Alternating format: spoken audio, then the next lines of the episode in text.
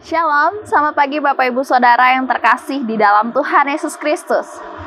Bersyukur pada pagi yang indah, pagi yang cerah yang Tuhan anugerahkan bagi setiap kita, kita juga diberikan kesempatan untuk bersama membaca serta merenungkan kebenaran firman Tuhan. Mari sebelumnya saya mengajak kita untuk masuk di dalam doa. Bapak yang baik, pada pagi hari ini kami bersyukur, kami bersuka cita Tuhan, karena anugerahmu, rahmatmu, berkatmu kembali kami rasakan. Tuhan kembali memberikan kami hari yang baru untuk kami menjalani seluruh aktivitas pada sepanjang hari ini itu. Kiranya Tuhan menolong dan memberkati setiap kami. Pada pagi hari ini kami juga akan merenungkan kebenaran firman-Mu. Mohon Engkau menerangi dan memimpin setiap kami. Terima kasih Bapak yang baik. Terpujilah namamu demi Kristus kami berdoa. Amin.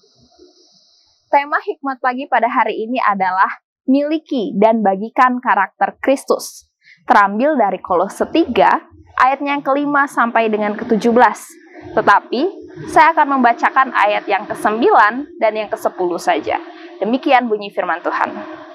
Jangan lagi kamu saling mendustai karena kamu telah menanggalkan manusia lama serta kelakuannya dan telah mengenakan manusia baru yang terus-menerus diperbaharui untuk memperoleh pengetahuan yang benar menurut gambar kaliknya. Demikian sabda firman Tuhan, syukur kepada Allah.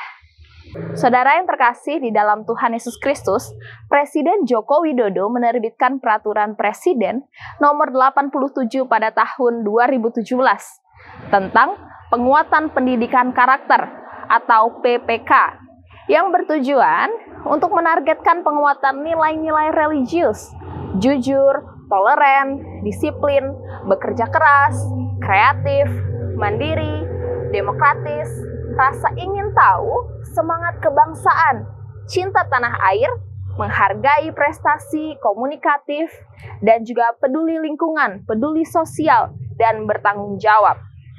Saudara, secara normatif PPK dinilai menjadi salah satu cara untuk membangun dan membekali anak Indonesia sebagai generasi emas pada tahun 2045.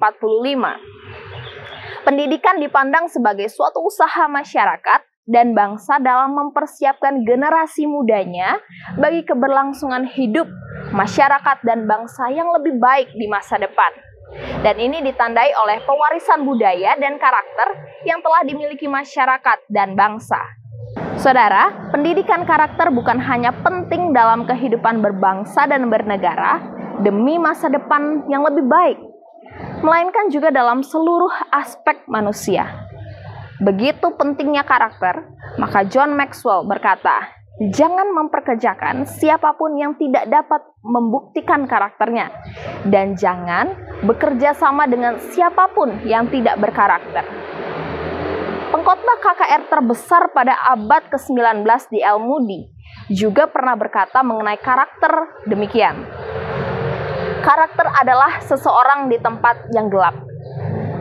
Tentu saja sebagai warga negara yang baik, setiap orang percaya juga turut mendukung PPK guna masa depan generasi penerus bangsa. Dimulai dari diri sendiri dan lingkungan keluarga, terlebih dahulu berlandaskan nilai-nilai kekristenan. Mungkin kita bertanya, mengapa harus berlandaskan nilai-nilai kekristenan? Sebab menurut Rasul Paulus, setiap orang percaya telah mengenakan manusia baru yang terus-menerus diperbaharui di dalam Kristus. Dan ini dicatat dalam ayat yang ke-10. Oleh karena itu, sebagai orang-orang pilihan Allah yang dikuduskan dan yang dikasihinya, ada perubahan seharusnya di dalam sifat dan karakter kita yang semakin hari semakin serupa dengan Kristus, yaitu mengenakan belas kasihan, memiliki kemurahan, memiliki kerendahan hati, kelemah lembutan, kesabaran satu dengan yang lain, bahkan pengampunan. Dan ini dicatat dalam ayatnya yang ke-12 sampai dengan ke-13. Saudara, setiap orang percaya perlu untuk mengajarkan dan menampilkan karakter Kristus di mana pun mereka berada, agar bangsa ini memiliki karakter memiliki masa depan yang lebih baik di dalam Tuhan. Saudara, mari kita menghasilkan karakter-karakter yang sama dengan pertobatan kita. Amin. Mari kita berdoa.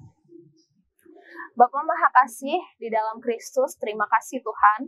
Firman-Mu pada hari ini mengingatkan kami kembali bahwa kami sebagai anak-anak Tuhan yang sudah ditebus, sudah diselamatkan, memiliki pertobatan di dalam Tuhan, sudah seharusnya kami menampilkan nilai-nilai, karakter-karakter, sifat-sifat di dalam diri kami yang berpadanan dengan kasih Kristus, berpadanan dengan apa yang menjadi kehendak Tuhan.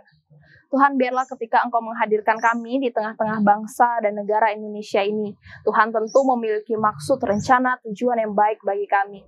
Dan biarlah melalui kami, kami juga dapat menjadi saksi Kristus, menjadi cerminan Kristus melalui kehidupan kami di tengah-tengah berbangsa dan bernegara ini. Tuhan, kiranya Engkau menolong serta memampukan setiap kami.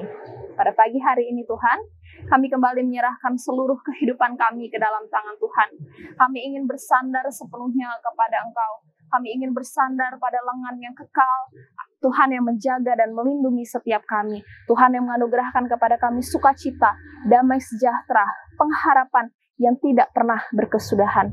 Terima kasih Bapak yang baik. Terpujilah namamu demi Kristus kami berdoa. Amin.